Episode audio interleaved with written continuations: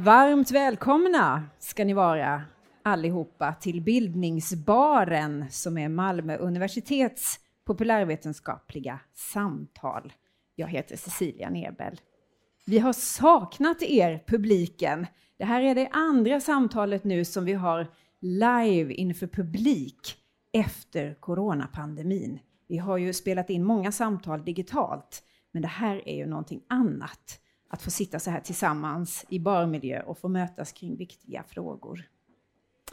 När vi bestämde kvällens tema, att vi skulle prata om Ryssland, så var läget ett helt annat. Det var innan Putin hade kommunicerat sin plan att gå in i Ukraina. De senaste två veckorna har vi sett en fruktansvärd utveckling i Ukraina. En invasion mot ett fredligt land utan motstycke.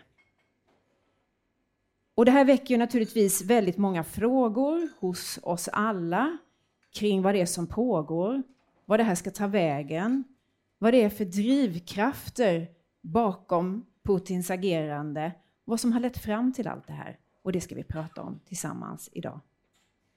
Vi kommer inte att fokusera särskilt mycket på vad som händer precis just nu i Ukraina. Det följer vi ju allihopa väldigt intensivt i de olika nyhetssändningarna, utan det vi vill försöka göra här idag i Bildningsbaren, det är att ge kontext och bakgrund och kunskap kring eh, de skeendena vi ser nu. Och jag är otroligt tacksam och glad att kunna presentera kvällens panel som alla har otroligt mycket att göra och jobba med kring de här frågorna just nu. Men här och nu är de hos oss. Jag säger välkommen till Maria Georgieva, journalist och utrikeskorrespondent med fokus på Ryssland och länder i forna Sovjet. Och du medverkar både i svenska medier och många internationella medier och du har levt och arbetat i såväl Ryssland som Ukraina. Välkommen. Och så har vi Bo Pettersson som är Rysslandsforskare. Du är professor i statsvetenskap vid Malmö universitet och aktuell med en ny bok om Putin som kom i höstas. Varmt välkommen ska du vara. Tack. Och Kalle Håkansson, doktorand i global politik vid Malmö universitet med fokus på EU, försvar och säkerhet. Och du är också kopplad till Utrikespolitiska institutet. Välkomna. Den 24 februari, tidigt på morgonen, meddelade president Putin i ett tv-sänt tal att Ryssland har inlett en militär insats i Ukraina. Hur reagerade ni på detta när ni hörde hans tal? Om jag får börja med dig, Maria. Att järnridån skulle åka upp igen var ju i tankarna samtidigt som det här är någonting som vi som har rört oss i det området på många sätt har berört. Det är ju ofrånkomligt. Man blev förkrossad. Mm. Det väckte starka känslor, även om det inte var helt överraskande då kanske? Nej, det är ju en historierevisionism som har pågått eh, i Putins Ryssland under en väldigt lång tid, där han vill att Ukraina ska närma sig den ryska intressesfären igen. Så mm. därav järnridå-jämförelsen. Bo och Kalle, vad tänkte ni? Ja, med, jag reagerade förstås med, med förskräckelse och chock, men inte med, någon, inte med förvåning egentligen. Eh, efter att ha läst hans tal som han höll tre dagar innan, den 21 februari, så var jag inte förvånad längre. För att efter att ha gått igenom det här horribla talet som han höll, mm. så insåg jag att nu är tärningen kastad. Eh, det kommer att bli krig. Mm. Och Kalle då, ur ett säkerhetspolitiskt perspektiv? Nej, men jag, jag, jag blev nog faktiskt förvånad. Även om vi, som Bo säger, eh, såg de här tecknen, vi såg truppsammandragningarna eh, vid Ukrainas gräns, vi såg också all underrättelseinformation som eh, framförallt USA eh, gav. Trots det blev jag väldigt förvånad och det kanske fanns en viss förhoppning i mig att det här inte skulle ske och det var därför jag blev så pass förvånad.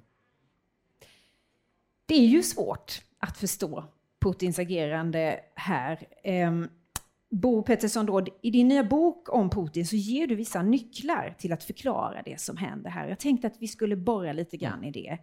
Varför sker detta? och varför sker det just nu? Mm. Om jag börjar med att uh, ta utgångspunkt i boken då så uh, undertiteln till boken är då Problems of Legitimacy and Succession uh, in Russia. Och då kan man tycka att egentligen är dessa båda begrepp nu idag gruvligt överspelade. Legitimitet eftersom vi ser totala motsatsen äh, ageras ut. Äh, det handlar om naket våld och repression. Har ingenting med legitimitet att göra. Mm. Och eh, successionsfrågorna är tyvärr inte överhuvudtaget på agendan idag. Eh, men samtidigt så föreställer jag mig att, att eh, boken kan, som du säger, tillhandahålla vissa nycklar eh, till förståelse. Eh, det ena är då att, att eh, man kan jag försöker beskriva om hur det kom sig att, att Putin kunnat konsolidera sin maktställning under så pass lång tid, under de här 20 plus åren som han har suttit vid makten. Ja, om vi skulle börja där. Hur har han kunnat tillskanska sig en sån maktposition och bli så ensam? Han eh, har varit eh, under många år en väldigt framgångsrik politisk kommunikatör av vad jag kallar politiska myter. Eh, och det har varit flera stycken sådana här som har in, samagerat. det har handlat om framförallt det som tema som han slog an från allra första början, att han var den som var satt att återupprätta stormakten Ryssland efter Sovjetunionens fall. Eh, en annan myt som det anspelades mycket på var att den ryska historien eh, från tid till annan har visat prov på stora oredor, eh, virvar, eh, kaos som kommer och går eh, men som då eh, bringas till slut genom att en stark ledare uppenbarar sig på scen och enar folket bakom sig och kastar ut inkräktarna. Och den senaste stora oredan enligt den här mytologin det är ju då 90-talet, Jeltsin-åren, åren efter Sovjetunionens fall. Mm. Sen ett tredje tema som eh, blev allt starkare med åren och som kanske framförallt kom i bruk eh, efter det att Putin hade valts till presidenten för tredje gången efter Medvedev-parentesen var det här om Ryssland och Putin personligen som eh, de traditionella värdenas förkämpe eh, mot eh, västs moraliska depravering och förfall. Mm. Eh, och eh, alla dessa myter har lyckades han kommunicera på ett sådant sätt som gjorde det troligt för många eh, i Ryssland som lydigt återvalde honom gång efter annan att, att det är egentligen bara han som passar in på den här beskrivningen. Men sen är det lite annat som man får lägga in här i, i, i detta, den här kalkylen också för att förstå dagens läge. Ehm, och jag skulle gärna vilja säga att åren de närmast föregående åren, 2020 och 2021, eh, var år när eh, Putin framstod som svag på den interna arenan. Han eh, förlorade mycket av sin lyskraft. Var detta under pandemiåren? Ja, det var under pandemiåren och han var väldigt osynlig framförallt under pandemins inledning. Lämnade spelplanen öppen för, för Eh, regionala guvernörer och, och regionala aktörer att, att, eh, att uh, lysa och att, att visa sig antingen kompetenta eller visa sig inkompetenta och därmed stigmatiseras mm. av, av presidenten. På vilket sätt har det då bidragit till dagens situation? Jo, eftersom eh, man kunde se att, han, att hans popularitetssiffror som ändå är väldigt viktiga för Putin och som har då genomförs eh, som mätningar för att, eh, för att undersöka dem en gång i månaden, att, att det, efter ska vi gå tillbaka lite grann i tiden. Han hade haft ett liknande fall i popularitetssiffrorna eh, 2011-2012 i samband med att han återkom eh, efter diverse mygelmanövrer mm. eh, efter parentesen Medvedev. Och den 2014 eh, skedde annekteringen av Krim och kriget mot Ukraina inleddes. Som ju för honom var väl en slags seger? Ja, det var det och var väldigt populära ja. i folkopinionen. Så där låg hans popularitetssiffror under lång tid på en bra bit över 80 procent. Mm. Visserligen inflaterade säkert, men ändå eftersom man kan följa svängningarna över tid så ger de en viss indikation. Och då behöver man inte tänka länge för att eh, fundera över att när, när sen kristecknen hopades 2020 och vi hade förutom pandemin så hade vi också att uh, Alexej Navalny blev väldigt uppmärksammad eh, såväl på den internationella scenen som, som också internt i Ryssland med, med omfattande protester och demonstrationer och så vidare. Att det fanns en lockelse i att upprepa den här manövern. Ett litet krig som skulle kunna, eh, skulle kunna återupprätta popularitetssiffrorna. Men man hade kanske inte föreställt sig, jag hade verkligen inte i min vildaste fantasi kunnat föreställa mig att det var ett stort krig. Nej, det är som- den här storskaligheten som har förvånat Ja. eh, och som vi har försökt förklara och analysera på, på olika sätt. Och en del pratar ju om att har Putin tappat förståndet här? Eller vad, vad- är det som händer? För det går ju inte särskilt bra heller, Nej. krigföringen här. Finns det fog för det? Ja, det tycker jag. Det finns en annan, det är en annan Putin som vi ser nu. Eh, men på samma sätt så såg vi också en annan Putin eh, när han kom till makten eh, efter Medvedev-parentesen. Så det här är ett nytt ansiktsskifte så att säga. Men där tidigare Putin har ofta jämförts med den judoutövare han är som, som då eh, eh, studerar motståndarnas svaghet och sen eh, utnyttjar detta för att för att flytta fram sina positioner så har han flyttat fram positionerna stegvis, mycket försiktigt, mycket övervägt. Och det gör han inte nu. Nu verkar all rationalitet vara kastad över bord.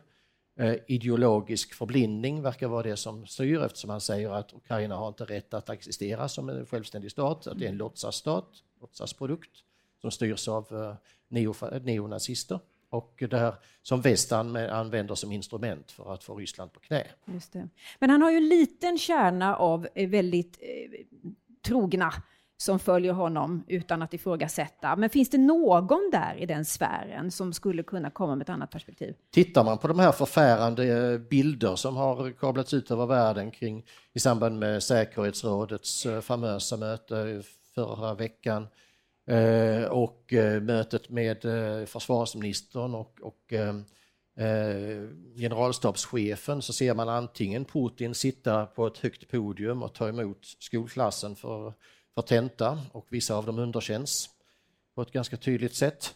Eller så har han det här, de här jätteborden mellan sig och, och, eh, och de underlydande. Och det antyder ju då att han är ensam i sin bubbla, han vill inte ha någon i närheten, han vill understryka den fysiska distansen. Han är höjd över alla andra och han tycks inte vara mottaglig för några avvikande åsikter. Han är inte mottaglig Nej. för några avvikande åsikter i dagens läge. Eh, och eh, det här kan det har ju spekulerats i att det är just den här, eh, att det finns en pan, en pandemifaktor här, en coronafaktor, att han till exempel är paniskt rädd för att smittas och, och därav de här, de här distanserna. Ja. Så. Men då måste jag fråga dig Maria som har eh, levt i Ryssland. Den här bilden som Putin har lyckats då enligt Bosse, eller Bo här, så framgångsrikt eh, bygga upp runt omkring sig själv. Hur funkar det när man lever i Ryssland, i, i en stat där man inte har det fria ordet, där det är en propagandamaskin som hela tiden vevas på? Ja, då kan vi börja med ett exempel. Ehm, Det vi ser idag beskrivs inte som ett krig. Myndigheterna undviker ordet krig. Och det ser vi inte användas på stats-tv överhuvudtaget, utan det är en befrielsemission från Putins sida där man skickar in de här ryska styrkorna för att genomföra en specialoperation. Och genom att myndigheterna inte använder ordet krig så är det ändå den världsbilden som sänds ut och sen segmenteras i de ryska medierna. Och det är ju det folk tittar på. Man kollar på stats-tv och det är så man konsumerar sin information. Men det- är det den huvudsakliga källan till information? Jag menar, det finns ju andra vägar att få information och det är ju inte heller alla ryssar som ställer sig bakom detta. Hur Både splittrar, ja och det, nej. bild, hur splittrar det bilden, så att säga? Både ja och nej. Bilden är väldigt splittrad skulle jag säga om man kollar på de stora städerna. Eh, Så där finns det fortfarande någon form av liberal opposition kvar. Men eh, när man kollar på olika undersökningar, det är också statskontrollerade opinionsundersökningar, så ser man att över 50 procent ändå stöttar det här kriget. Det kan man absolut i krigstid ifrågasätta dessa, men det finns inga oberoende eh, källor till information just nu i Ryssland rent officiellt. Och det kan vi återkomma till sen, men i takt med att rädslan också sprids eh, för att visa att det är väst som står bakom detta, det är väst som, har, eh, som sprider propaganda mot Ryssland. Den bilden sätter sig innan man lyckas förmedla någon annan bild egentligen. Och det gör ju också att ryssarna på, på ett sätt då ställer sig bakom kriget, mm. eftersom det är bara den informationen de får, får ta del av. Samtidigt så har ju människor i Ukraina och Ryssland väldigt många band sinsemellan, mellan familjer, vänner och så vidare. Vad innebär det? Eh, varför finns det inte större sympati med ett broderfolk? Det är ju också ett resultat av eh, den ändå långdragna konflikt eh, som eh, Ukraina har blivit. Det har ju pågått ett krig där i över åtta år nu. Ehm, jag har själv rört mig vid de gränsområdena, både i östra Ukraina och på Krim, där människor är ryskspråkiga, eller så har de släktingar på båda sidor om gränsen. Vissa har släktingar till och med så långt bort som i Sibirien eller Sankt Petersburg, som själva identifierar sig som ukrainare. Det var ett par systrar som jag träffade eh, som berättade att de hade slutat prata med varandra för att den ena stöttade Putin och den andra Poroshenko, som är alltså Ukrainas tidigare president. Och eh, det var gräl i den familjen, de hade slutat gratta varandra på födelsedagen, det fanns inga band kvar. Och det här var för flera år sedan. Så det var en konsekvens av att Ryssland hade annekterat Krim, mm. som då användes i den ryska hemopinionen så använde man det som ett sätt att stärka då Putins förtroende och ge honom ett uppsving, eh, vilket då fungerade i viss mån. Men mellan människor så, så syntes eh, totala splittringar när man faktiskt gick och besökte olika personer som kunde ge en annan bild. Och det här är ju någonting då som har trappats upp nu i, i Putins retorik också om Ukraina och som har eldat på den här splittringen mm. mellan människor. Och det är en söndring som har pågått då väldigt länge, precis som, som du var inne på Bo. Eh, jag vet ju att du helst av allt hade velat vara på fältet och rapportera nu om allting som händer och pågår. Men finns det någon möjlighet för dig att göra det idag, som oberoende journalist? Ja, alltså det, jag vill för, först säga att eh, våra ryska kollegor eh, i Ryssland deras medier. När jag vaknar upp på morgonen nu så är jag blind. För att jag lyssnar, och jag är döv också. Jag tar del av oberoende medier i mitt arbete som Moskva-korrespondent och har gjort det i över sex år. Och att inte kunna höra Moskva-ekot, eh, som är den största oberoende radiostationen, eller kolla på tv-kanalen Dost, eller kunna läsa Noja Gazeta. Det, man blir så fattig i sitt eget sätt att skildra Ryssland, för där finns det berättelser om tortyr, om ett annat Ryssland än det vi ser i statsmedierna. Eh, det som har hänt är att man har infört ett lagpaket som gör det olagligt att berätta om kriget som ett krig. Skulle jag stå där på ett torg, Röda torget säg, och rapportera eh, så kan även jag som utländsk journalist riskera 15 års fängelse som, som max. För vi vet inte riktigt hur den här lagen tolkas i dagsläget. Mm. Det är framförallt våra ryska kollegor som är utsatta. Eh, de har valt att lämna eh, och släcka ner sina stationer helt enkelt. Eh, och väldigt många har lämnat landet. Det påminner lite om den för hundra år sedan så var människor emot bolsjevikerna efter inbördeskriget i Ryssland och många intellektuella försvann och lämnade landet. Vi har kompositörer, kända författare som Nabokov eh, eller Stravinsky, alltså de, de lämnade Ryssland och det blev någon slags en enorm brain drain. Det är lite det vi ser idag också, att folk tar sitt pick och pack för att de kan inte göra sitt jobb. Mm. Det påverkar utländska journalister också. Vi vet inte exakt i vilken utsträckning än, men skulle vi ta den risken så måste man ha ett stort mediehus bakom sig som kan... Mm.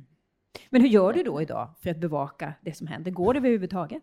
Det går om du har upparbetade kontakter och gör det lite som du skulle ha gjort på fältet, som med de här systrarna, att du knackar på dörrar. Alltså jag ringer folk, jag ber om att släktingar ska sätta mig i kontakt med andra släktingar, tidigare personer jag har intervjuat, för att berätta om hur är det här, hur rapporterar ni om kriget? Eller hur berättar ni för varandra om att det här är ett krig som pågår?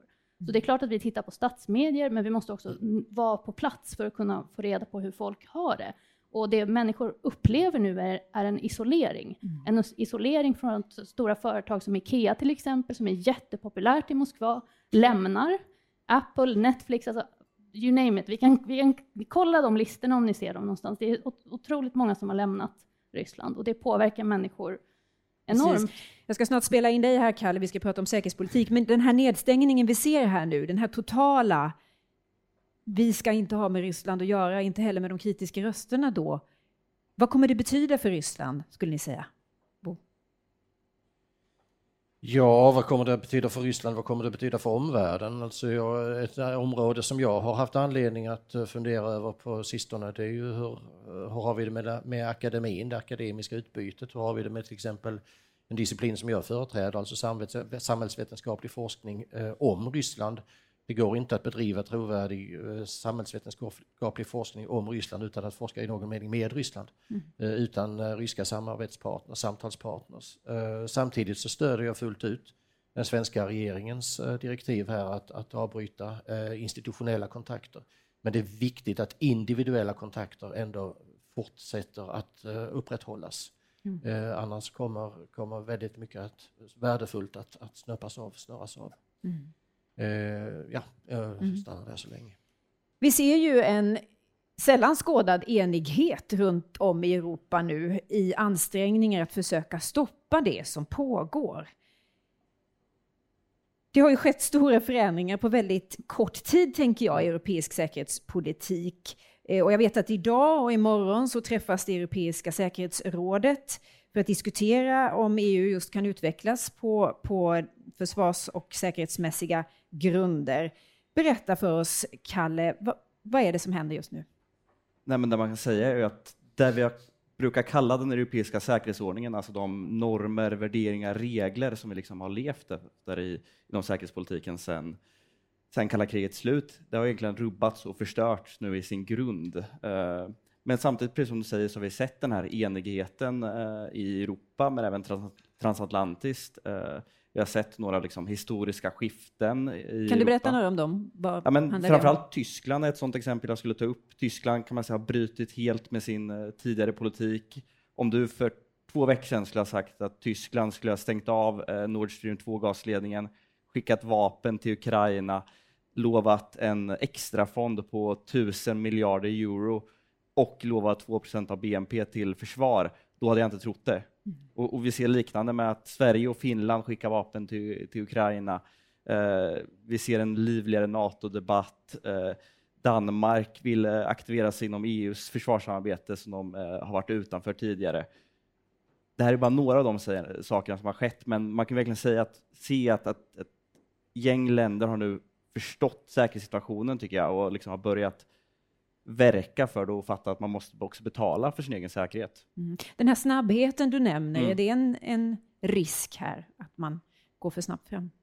Nej, jag tror inte det. Traditionellt sett så har ju Europa och EU sett som ganska liksom långsamt i, inom utrikespolitiken. Och det är såklart på gott och ont. Liksom. Det är en byråkratisk organisation. Det är 27 olika medlemsstater som ska liksom komma tillsammans på det här sättet. Men nu har vi verkligen sett att de är eniga och att de har tagit eh, ändå stora steg som, som har varit väldigt viktiga. Mm. Den här enigheten, kommer vi få fortsätta se den, tror du? Jag tänker framförallt på den stora flyktingkris som nu kom i kölvattnet mm. av Ukraina. Det har ju varit en utmaning för Europa mm. eh, under många år där man inte riktigt har kunnat komma överens. Vad tänker du kring det? Men dels i vad gäller flyktingfrågan så tog ju EU ett historiskt beslut och eh, eh, ukrainska flyktingar i alla EUs länder.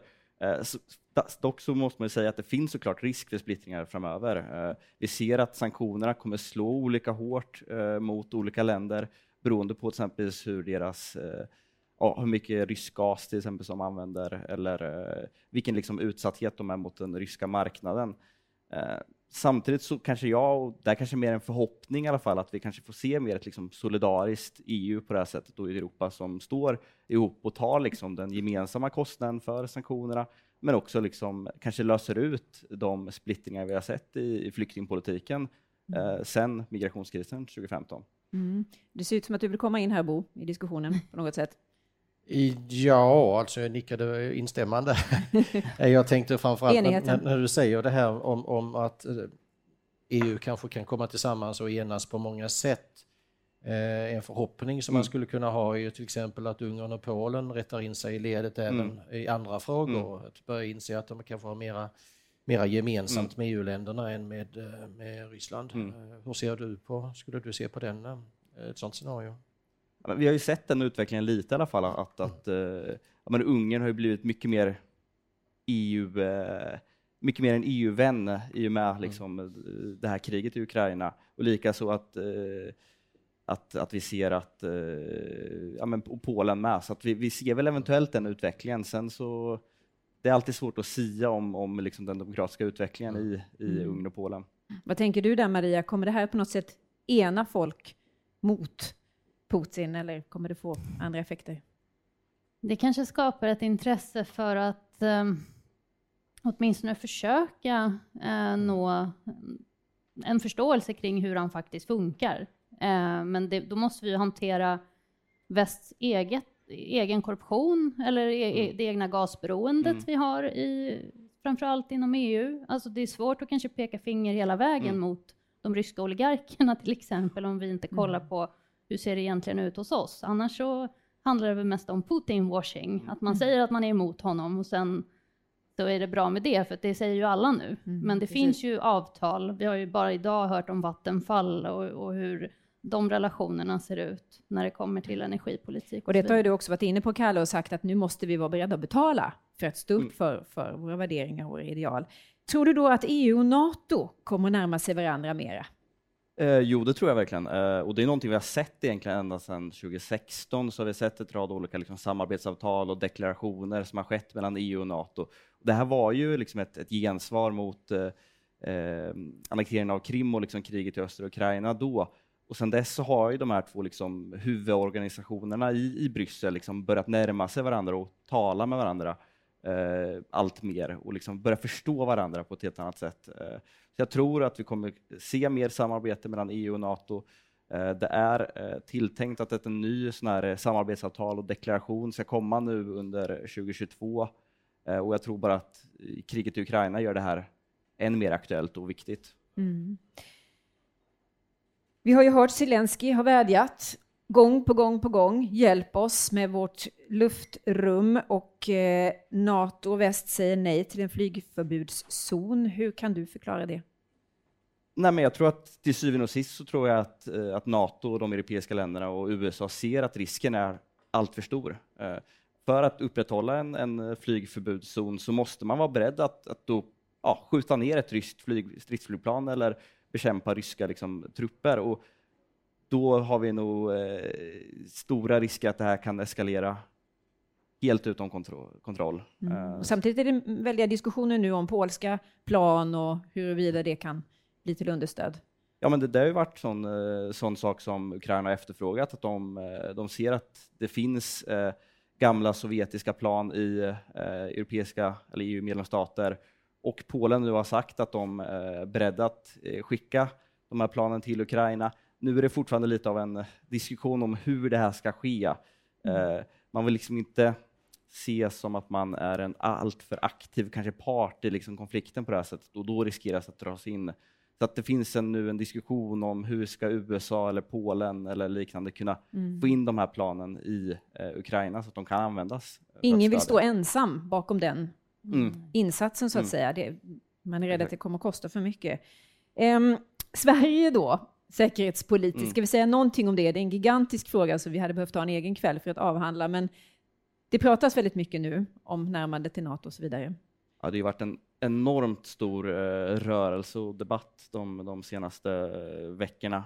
Av förståeliga skäl såklart. Eh, men vi såg ju senast idag att, att Sverige ska gå mot 2% av BNP ett försvar som är NATO-standarden. Eh, och här kommer det också bero mycket på hur, hur Finland eh, kommer agera eh, framgent. Eh, vi kommer nog få se mycket samtal mellan Helsingfors och Stockholm, eh, mellan de politiska företrädarna i regeringen, men även oppositionen i, i båda länderna och försöka liksom få en samstämmig bild eh, gemensam.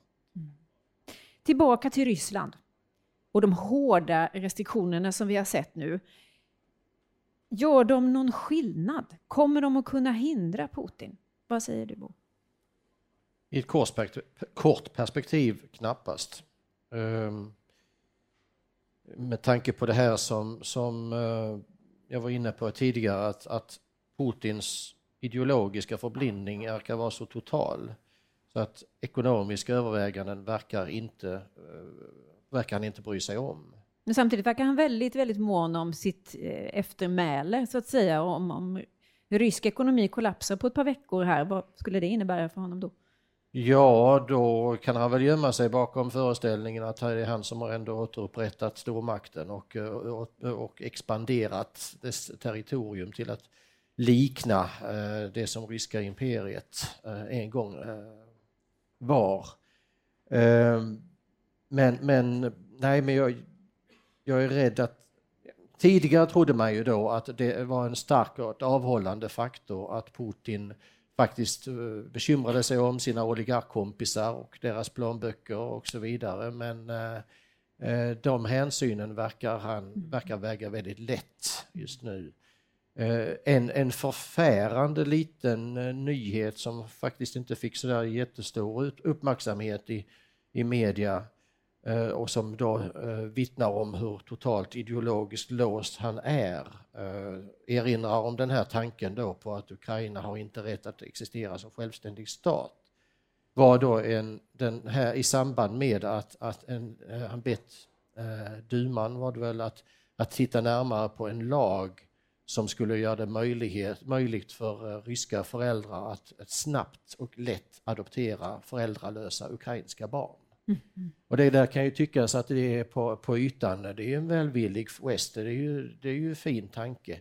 Men så tänker man ett, ett varv till och nej, men det här är precis i linje med att utrota, utrota inte bara mm. den, den ukrainska staten och krossa den utan också den ukrainska nationen, ukrainska mm. nationella identiteten.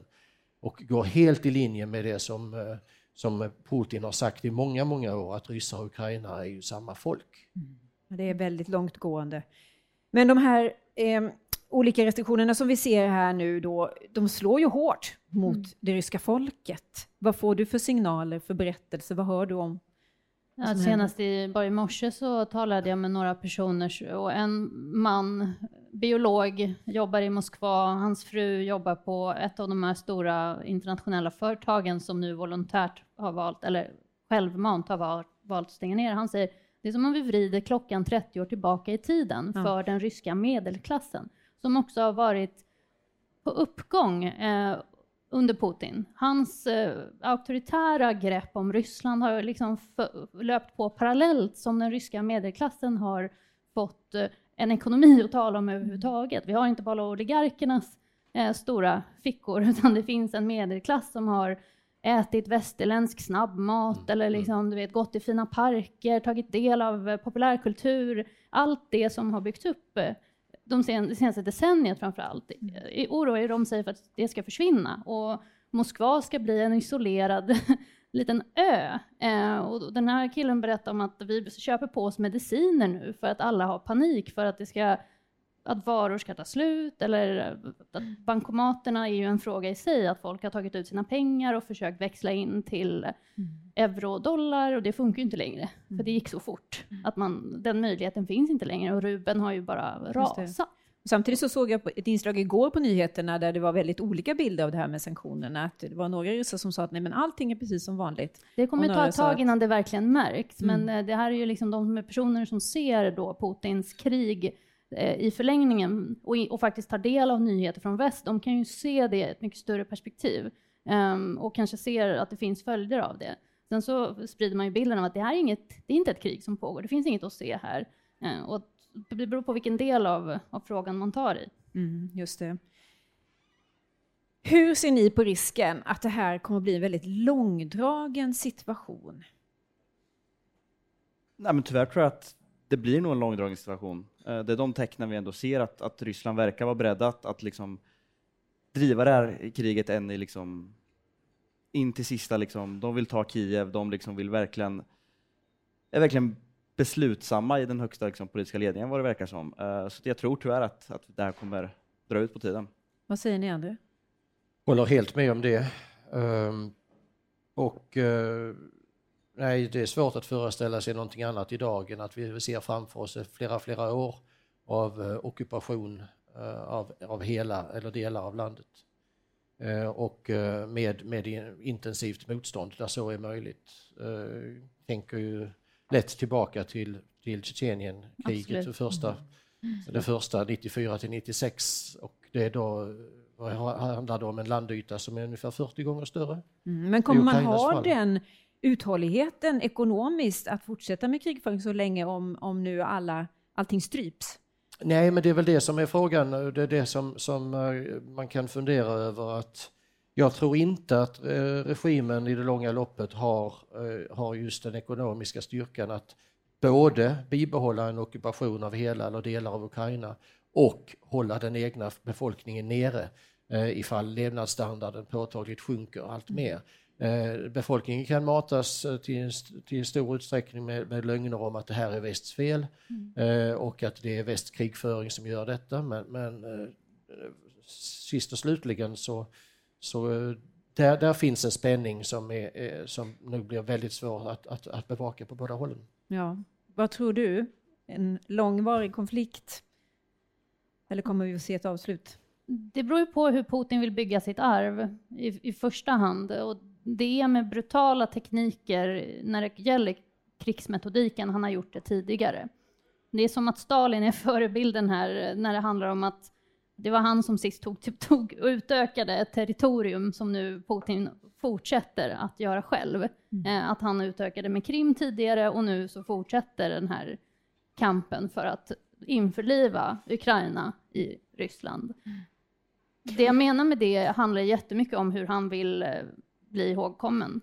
Det handlar inte längre om att sitta vid de stora förhandlingsborden med västs ledare och ha ett finger med i spelet eh, i, i någon slags diplomatisk aspekt, utan det är härska och söndra tekniken och det är inte någonting som är jättestrategiskt uttänkt, utan det är ju en överlevnadsstrategi. Mm. Varför är det en överlevnadsstrategi? Jo, för att hur ska man, precis som Bo säger, att underhålla ett krig och samtidigt hålla hemmaopinionen lugn det är ju en enorm utmaning ifall de här människorna till slut skulle ge sig ut på gatan och trotsa sin rädsla, vilket de faktiskt har gjort de senaste dagarna. 15 000, över 15 000 har gripits i Ryssland. Det, jag har aldrig sett så höga siffror. Jag har bevakat demonstrationer i flera år och människor har ju gripits tidigare, men nu så finns ju inte någon där riktigt som kan berätta om Nej. det och visa upp det i TV. Men finns det något hoppfullt i, i det, att det kan liksom få fortsätta utvecklas och bli starkare och starkare och till slut går det inte att stå emot? Det är väldigt svårt tror jag, förlåt, för att eh, folk är ju,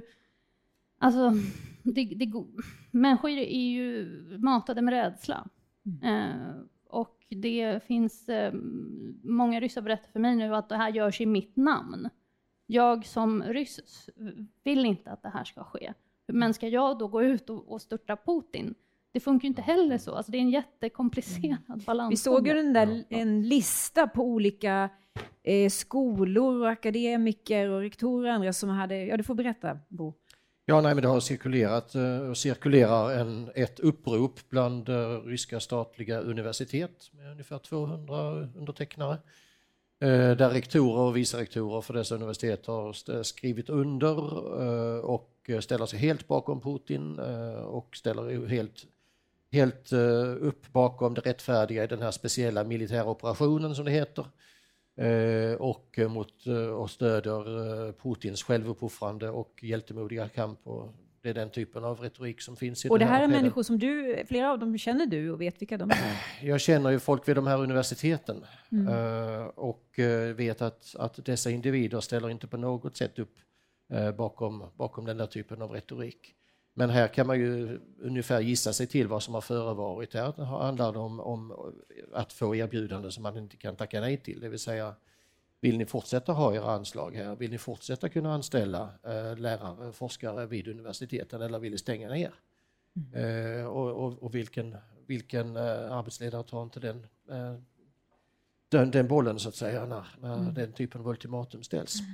När, du, när vi pratade om det här innan så sa du att det här är så sorgligt. Ja, det är det verkligen. En tragisk det, utveckling. Det, det mm. Vad är nästa logiska steg då? Det vill man ju också liksom höra er diskutera kring. Kommer det att stanna vid det här eller är Moldavien nästa? Eller vad, vad kommer att ske nästa steg? Det blir spekulation naturligtvis, mm. men vad tror ni? Extremt svårt att säga. Extremt svårt att säga. Den här, den här situationen har utvecklats så snabbt och så liksom i olika håll som jag inte kunde se uh, bara för några veckor sedan. Så att, och det är väldigt svårt att spekulera vad Putin och liksom hans närmsta tänker kring de här, eh, den här närmsta utvecklingen.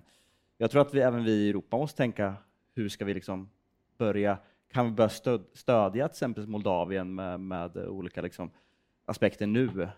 Ja, vi måste redan börja tänka ett steg längre nu, eller ett steg fram. Vad tror du Bo? Ja, med tanke på hur framgångsrik eh, den uh, krigföringen har varit så här långt så är det just nu kanske inte så mycket som tyder på att, att Putin är sugen på ytterligare territoriell expansion. Uh, men däremot, in, risken finns såklart mm. uh, om, om krigslyckan vänder och det kanske den gör. Men, men det som jag tror att man kommer att se på, på innan dess det är att repressionen vrids åt ytterligare några varv internt. Eh, vi har ju då redan sett eh, under de här senaste veckorna att eh, Navalny håller på att få påbackning med 15 år på sitt fängelsestraff. Medan omvärlden har fullt upp med att protestera mot Ukraina. Vi har sett att, att förbudet mot memorial har stadfästs. Och den här typen av internt förtryck passerar då mer eller mindre obemärkt förbi eftersom omvärlden måste prioritera och stötta Ukraina.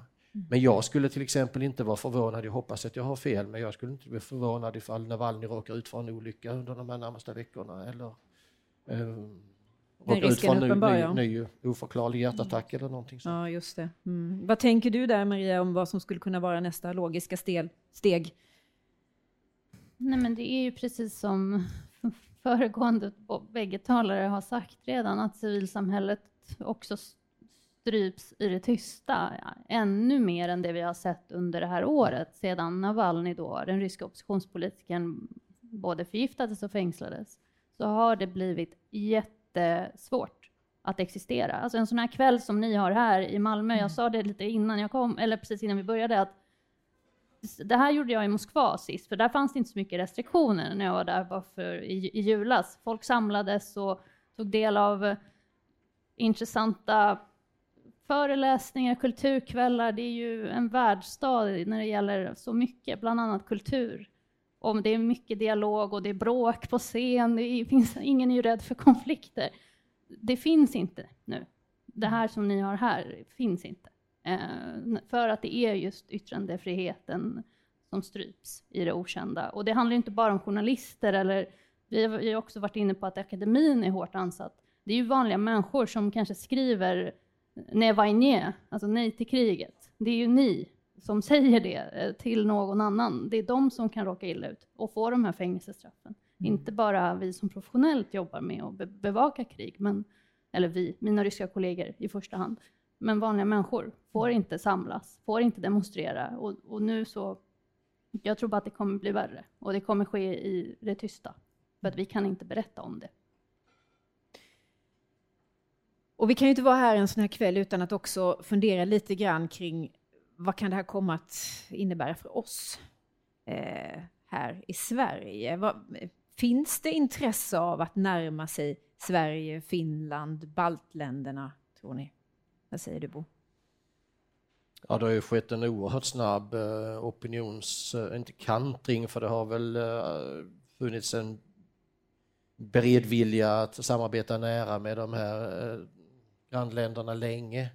Men att, att uh, vi hade nog inte, många, många av oss hade nog inte kunnat föreställa sig att det skulle kunna gå så snabbt när det gäller den här diskussionen om, om NATO-medlemskap eh, uh, eh, uh, till exempel. Att, att även ledande socialdemokratiska företrädare nu börjar tala om att ja, men det där är inte omöjligt. man läser man mellan raderna på på uh, statsministerns uttalanden så säger hon någonting om för tillfället, för närvarande och så vidare. Och det är en enorm semantisk uh, betydelseförskjutning där. För att vi helt enkelt inte vet? Ja. Mm. Mm, vad säger du, Kalle? Nej, men dels kan jag hålla med om vad Bo sa. Sen kan jag väl ta upp en annan aspekt att EU de senaste åren har ju verkligen utvecklats genom kriser. Vi har sett det i, i coronakrisen när man först vacklade, inte riktigt visste vad man skulle göra till slut så började man ta fram eh, vaccinet ihop. Eh, man tog fram det stora coronastödpaketet, eh, eh, finansiella upplåningen, som liksom var en sån här ny eh, milstolpe i eh, europeisk integration. Och här ser vi redan nu att det börjar liksom flyta omkring idéer om att vi kanske ska behöva, behöver låna upp eh, gemensamma pengar för att kunna hantera den här energikrisen som vi kommer se om, om vi stryper den ryska gasen eller för att rusta upp våra försvarsmakter. Eh, så de här idéerna har liksom börjat flyta omkring nu, så vi kan se att det här leder till ny integration i EU och liksom att länderna blir mer sammanvävda, eh, skulle jag säga. Mm, ett litet hopp där mitt i det, det mörka. Och vi har ju ändå en historia av ett ganska sargat Europa med Brexit och annat mm. som, som har mm. pågått. Jag vill också blanda in komponenten Kina i den här diskussionen, för det har vi också hört ganska mycket om att Kina lite grann har stått och vägt men ändå verkar ge sitt, sitt stöd till det som nu pågår. Kommer de att få en allt större del i den här konflikten i Rysslands utveckling, tror ni? Vad säger ni? Ja, alltså det, jag tillhör ju de som tror att, att ifall den mån man försöker identifiera någon quick fix här, någon snabb lösning, så är det kineserna som har möjlighet att, mm. att, att åstadkomma en sån. Eh, om om eh, Kina utövar påtryckningar, eh, reella påtryckningar på Putin, eh, så är det nog det enda jag kan se som skulle kunna få honom att, att vika i eh, Just ja, det. För Kina, alltså Europa blir väldigt viktigt för Kina som, som marknad. Kina vill inte skada sin ekonomi allt för mycket och ifall eh, världsekonomin raseras så ska raseras även den kinesiska, även om det kanske ligger någonting i fortfarande, i, att man fortfarande lever efter Maos gamla devis att uh, sitta på toppen av ett berg och mm. se på slagsmålet mellan två tigrar eller hur det nu var. Mm. Mellan, mellan väst och Ryssland. Så. Men, men, men uh, att avvakta, men jag tror inte man kan avvakta hur länge som mm. helst. Nej, men jag tror att Kina har varit ganska de har varit medvetet försiktiga för att de ser att det här kan gynna dem också långsiktigt. Vi ser att USA har väldigt liksom explicit sagt att deras långsiktiga hot är Kina. Eh, de kommer fokusera på området i liksom eh, Kinas närområde. Nu ser vi istället att USA blir involverade i liksom Europa igen. Och Kina på det här sättet tror jag är ganska nöjda över att, att det här sker, men att de liksom håller sig några meter ifrån liksom och, och försöker tassa omkring lite. Och, och eventuellt kan eh, vad det, skjuta Putin i, i en bättre riktning, men också kanske är nöjda med att det som mm. sker. Mm. Men då skjuter jag in här mm. från det ryska perspektivet att uh, oligarkerna kanske har öppnat en bakdörr till Kina och plötsligt så, de ryska oligarkerna alltså, inte någon annan. Uh, och där plötsligt så finns det möjlighet att fortsätta med sin mm. verksamhet, sin ekonomi och det kan vara kryptovalutor, mm. men det kan också vara vanliga konton. Det diskuteras i Ryssland nu, liksom, att folk pratar med advokater i London om att de ska få hjälp och så vidare. Så, mm, på olika sätt. Ja. Ja.